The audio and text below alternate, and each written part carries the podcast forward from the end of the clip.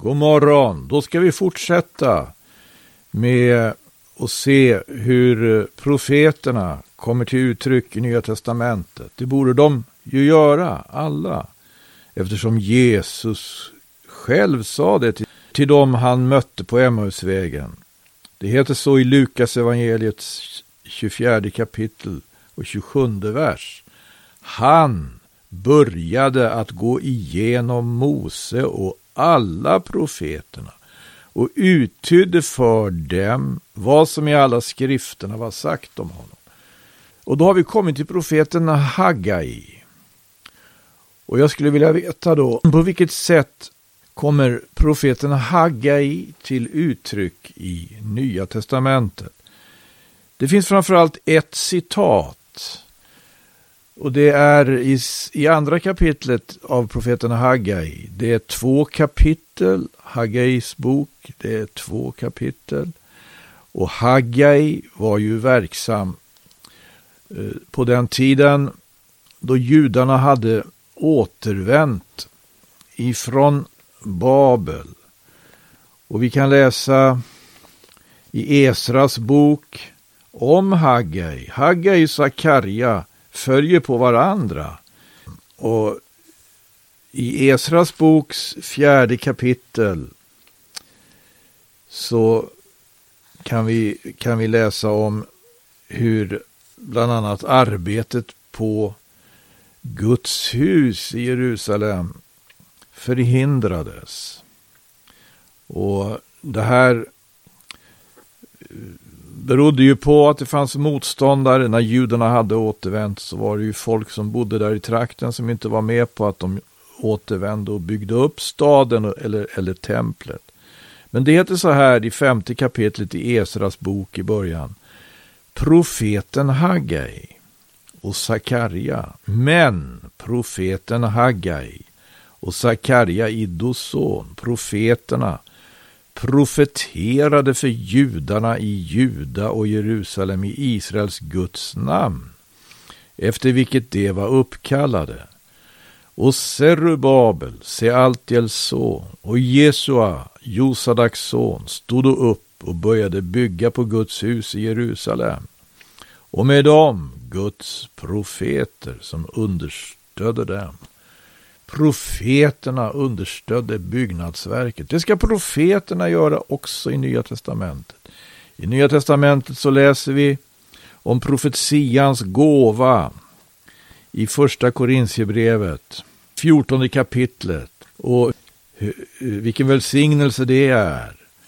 Och aposteln Paulus är angelägen om att understryka i 14 kapitlet första Korintierbrevet att när ni är ivriga att undfå andliga gåvor, det finns ju flera andliga gåvor, när ni är ivriga att undfå andliga gåvor, så må er strävan efter att dessa hos er ska överflöda ha församlingens uppbyggelse till mål.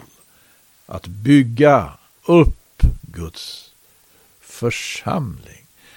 Haggai, han, hans uppgift handlar verkligen om det att bygga upp det som hade rivits ner. Och vi kan läsa några verser i början här. I Haggai, det heter så här i första kapitlet från början. I konung Dariaves andra regeringsår. I sjätte månaden, på första dagen i månaden kom Herrens ord genom profeten Haggai till Zerubabel, Sealtiels son Judas ståthållare och till överste prästen Josua, Josadaks son. Han sa, ja här läser vi om samma personer som det stod om i Esras bok. Och intressant här, Dariaves kallas ju också för Darius ibland. Det var en av Persiens konungar alltså. Det var inte den konung som fick en uppenbarelse att han skulle ge judarna det här uppdraget att återvända till Jerusalem. Efter att Babels konung tidigare hade fört dem därifrån som fångar. Men Kores, han fick uppenbarelsen att de skulle återvända och bygga upp eh, staden Jerusalem och framförallt templet. Då. Och Serubabel är en intressant person, mycket intressant. Jag undrar över honom. Eh, det står inte att han var konung. Det, det återvände aldrig någon konung från Babel. Judarnas konung, den sista av dem, det var Sitkia som fördes bort i fångenskap till Babel. Det står inte att någon sedan återvände. Det står att det återvände en ståthållare. Det var Serubabel. Men så småningom kom i alla fall konungar. Och vi vet att när Jesus så småningom trädde fram i historien, då fanns ju en konung, Herodes. Men man kan ju verkligen ifrågasätta det berättigade i hans konungadöme. Jesus kallar honom för räv. Och det var väl i stort sett vad han sa om honom. Vi fortsätter läsa i Hagai från vers 2 här. Så säger Herren Sebaot. Detta folk säger. Ännu är icke tiden kommen att gå till verket, tiden att Herrens hus byggs upp. Men Herrens ord kom genom profeten Haggai. Han sa, är då tiden kommen för er att själva bo i panelade hus, medan detta hus ligger öde. Därför säger nu Herren Sebaot så, ge akt på hur det går er. Ni sår mycket men inbärgar lite. Ni äter men får inte nog för att bli mätta. Ni dricker men får inte nog för att bli glada. Ni tar på er kläder men har inte nog för att bli varma. Och den som får någon inkomst, han får den allenast för att lägga den i en söndrig pung. Ja, så säger Herren Sebot, ge akt på hur det går er. Här får profeten direkt ta itu med en förutfattad mening. Det är ju profeterna, eh, profeternas uppgift handlar om. Att särskilt ta itu då med en sådan förutfattad mening eller en sån felaktig föreställning som den här. Som alltså eh, faktiskt handlar om att det ska inte byggas upp någonting nu. Nej. Ännu är inte tiden kommen att gå till verket, tiden att Herrens hus byggs upp. En som verkligen får ta itu med sådana här förutfattade meningar, det var ju profeten Hesekiel. Han kan vi läsa om i kapitel 11 och 14 och 18 och flera kapitel. Får ta itu med sådana här felaktiga föreställningar. Och vad handlar det om? Det handlar om bland annat just det här att stå emot att Guds verk går framåt.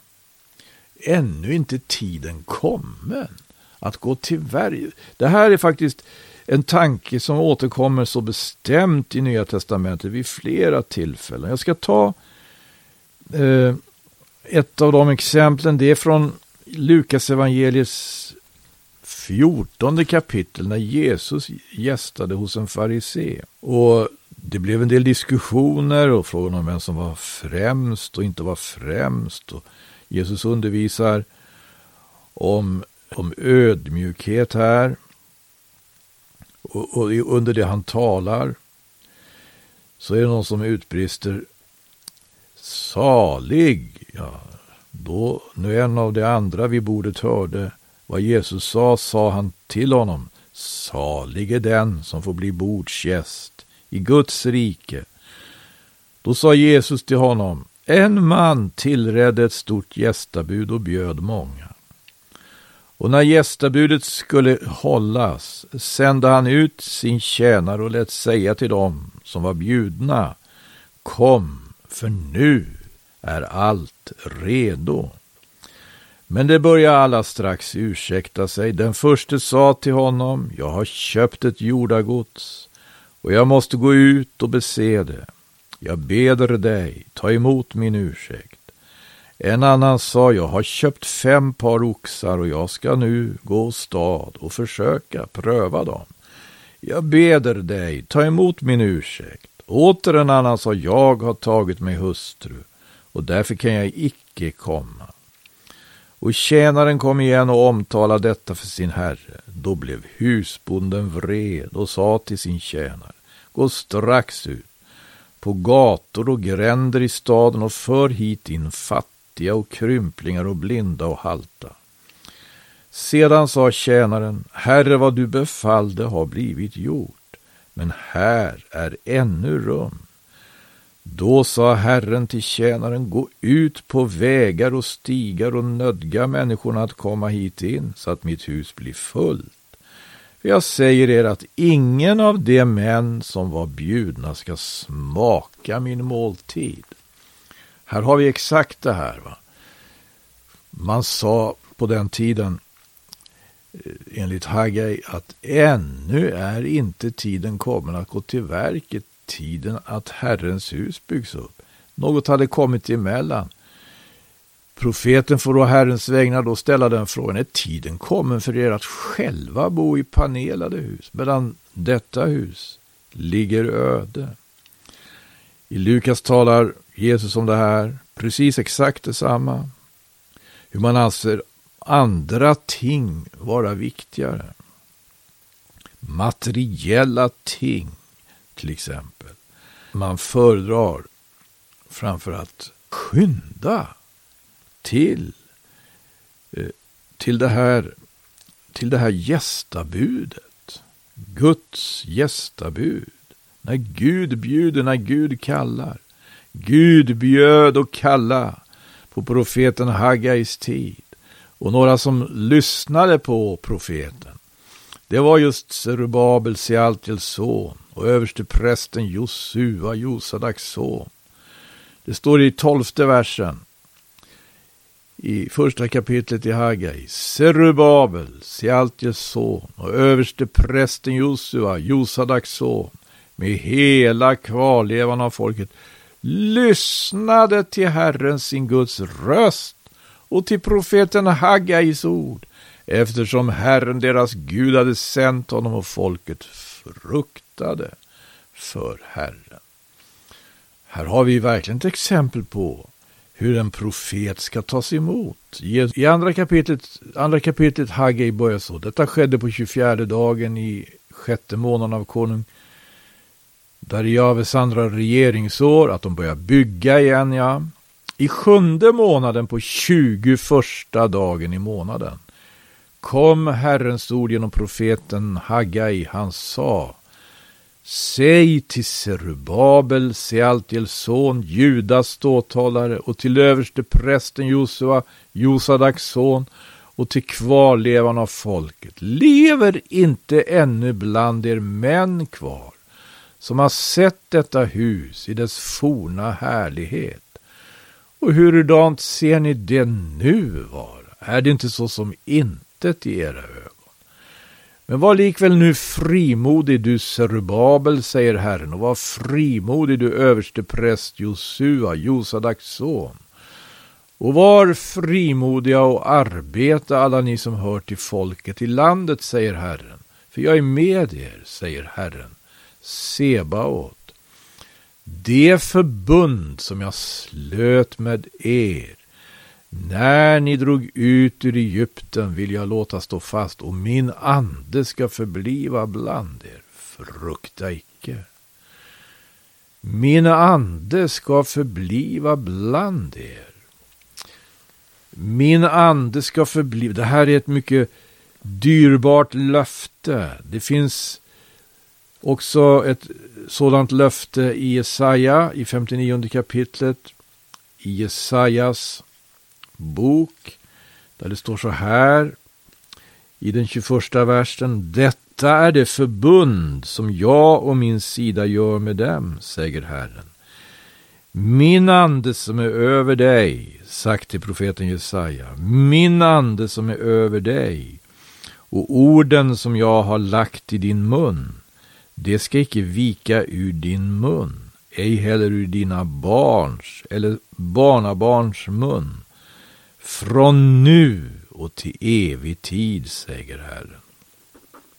Löftet om anden är ju precis vad Jesus tar fasta på då han samlar sina apostlar omkring sig efter att han har uppstått från de döda. Och det står så i Apostlagärningarnas första kapitel i fjärde versen. När han då var tillsammans med dem bjöd han dem och sa Lämna icke Jerusalem, utan förbida där vad Fadern har utlovat. Det varom ni har hört av mig. Om anden, Fadern gav dessa löften, det finns i profeten Haggais bok, det finns i profeten Jesajas bok och på flera andra ställen. Det står om David som blev smord att Guds ande kom över honom från den dagen och allt framgent. Gud vill att anden ska förbliva ibland Guds folk, i Guds församling. Och därför anden får vi veta av en annan apostel, aposteln Johannes. Lär oss just hur vi ska förbliva i Jesus själv. Det står i första Johannes brev kapitel 2. Vad er angår, skriver han i 27 versen, vad er angår så förblir i er den smörjelse ni har undfått från honom. Och det behövs icke att någon undervisar er, för vad hans smörjelse lär er om allting. Det är sant och icke lögn. Förbliv alltså i honom så som den har lärt er. Anden förbliver och lär oss att förbliva i sanningen. Om anden talar också profeten Haggai. Och vi läser också vidare här. Det står så här i sjunde versen. Ty så säger Herren Sebaot ännu en gång.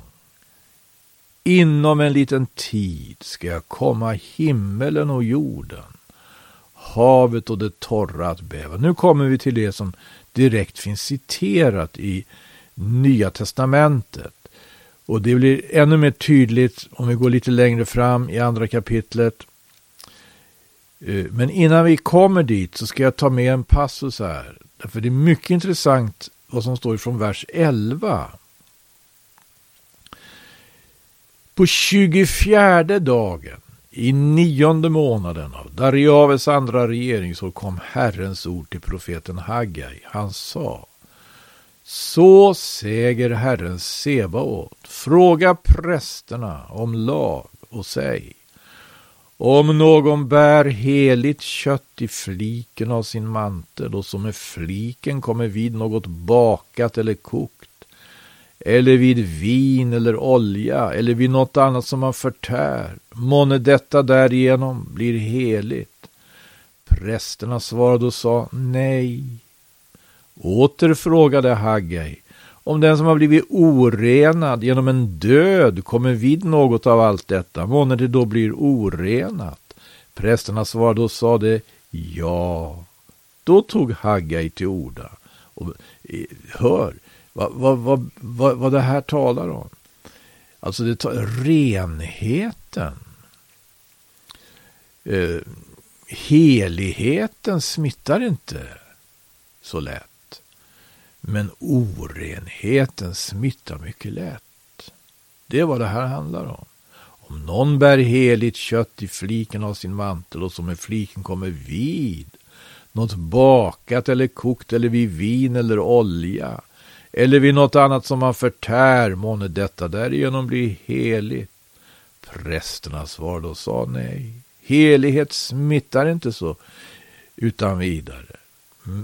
Åter frågar Hagge om den som har blivit orenad genom en död kommer vid något av allt detta, månader det då blir orenad. Prästerna svarade och sa ja.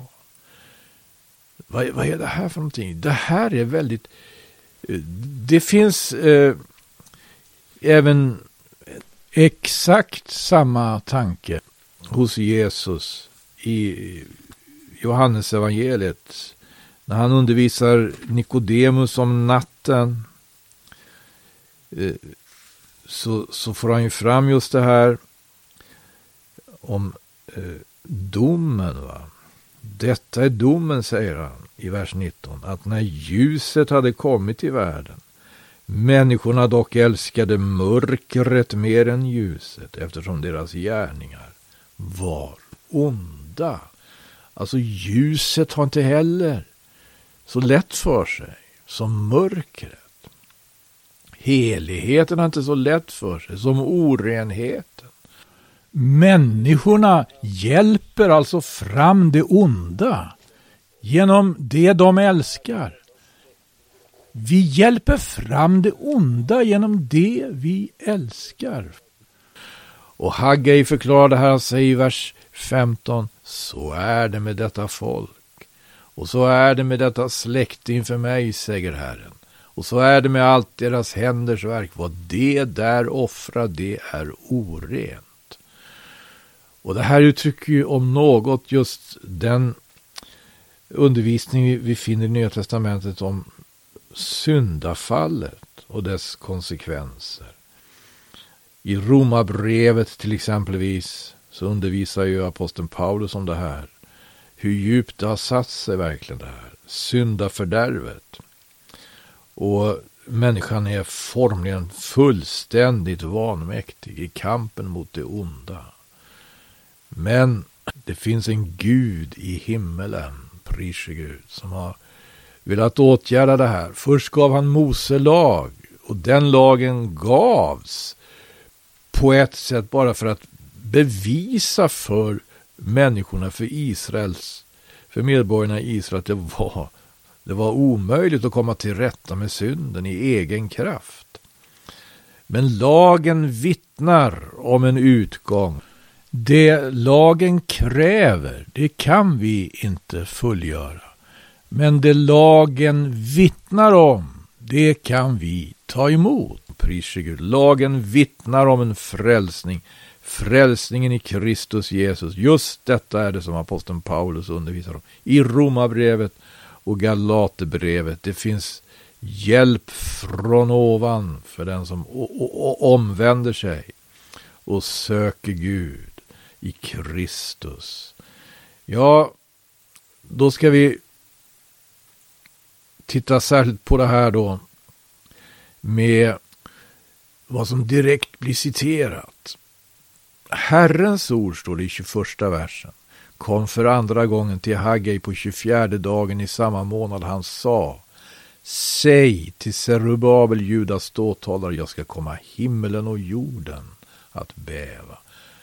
Det var andra gången i Haggai som det står, och det står i Hebreerbrevets 12 kapitel 26 och 29 vers. Hans röst, Guds röst, kom då jorden att bäva. Då, vid Sina i berg. Men nu har han lovat och sagt ännu en gång, ska komma inte allenast jorden, utan och himmelen att bäva. Dessa ord ännu en gång ger till känna att det ting som kan bäva ska, eftersom det är skapade blir förvandlade för att det ting som inte kan bäva ska bli beståndande. Därför då vi nu ska undfå ett rike som inte kan bäva, så låt oss vara tacksamma. På det sättet tjänar vi Gud honom till behag, med helig fruktan och räddhåga. Ty vår Gud är en förtärande eld.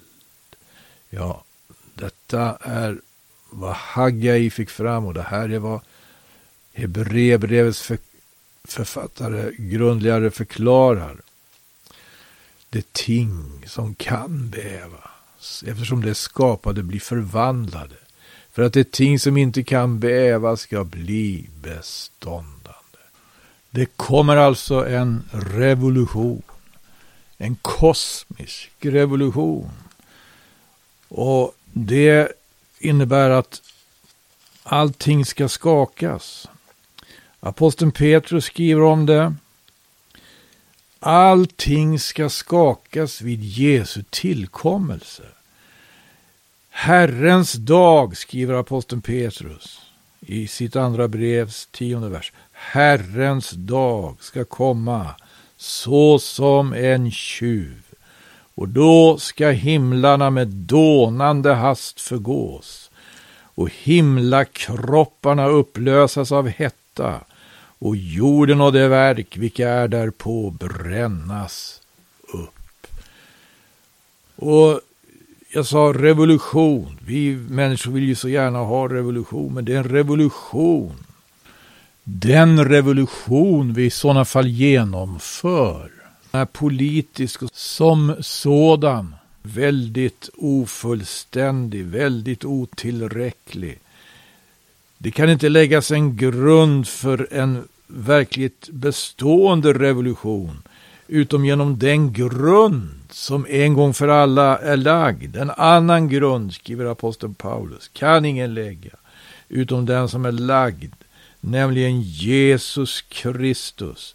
Och det som gäller inför hans tillkommelse, det är ju det här att se till att vi inte har vår grundval i stoftet och enbart i stoftet.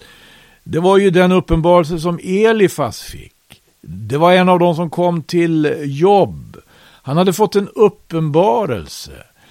Och den uppenbarelsen är allvarlig. Jag, jag, tror inte han förstod riktigt själv hur allvarlig den är. Det står El, om Elifas uppenbarelse i Jobs fjärde kapitel. Kan då en människa ha rätt mot, sin, rätt mot Gud? Eller en man var ren inför sin skapare, säger han i sjuttonde versen. Se ej ens på sina tjänare kan han förlita sig. Jämväl sina änglar måste han tillvita fel. Hur mycket mer då de som bor i hyddor av ler? De som har sin grundval i stoftet, det krossas sönder så lätt som mal. Har vi vår grundval i stoftet och endast i stoftet så krossas vi som mal när Herren Jesus kommer med sin makts änglar. Det gäller att ha en annan grundval då. Därför ska vi vara rädda om det här och verkligen akta på det här som handlar om en ny födelse. Jesus sa också till Nikodemus att det som är fött av kött, det är kött. Men det som är fött av ande, det är ande. En ny födelse, det är vad som sker när vi aktar på vittnesbördet. När vi tar emot Herren Jesus Kristus som Herre och Frälsare.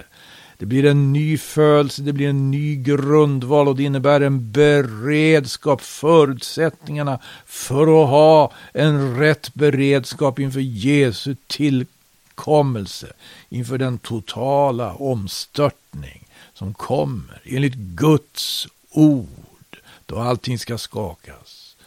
Då himlarna, står det, ska förgås med dånande hast och jorden och det verk som är därpå brännas upp. Det finns mer att säga om det här.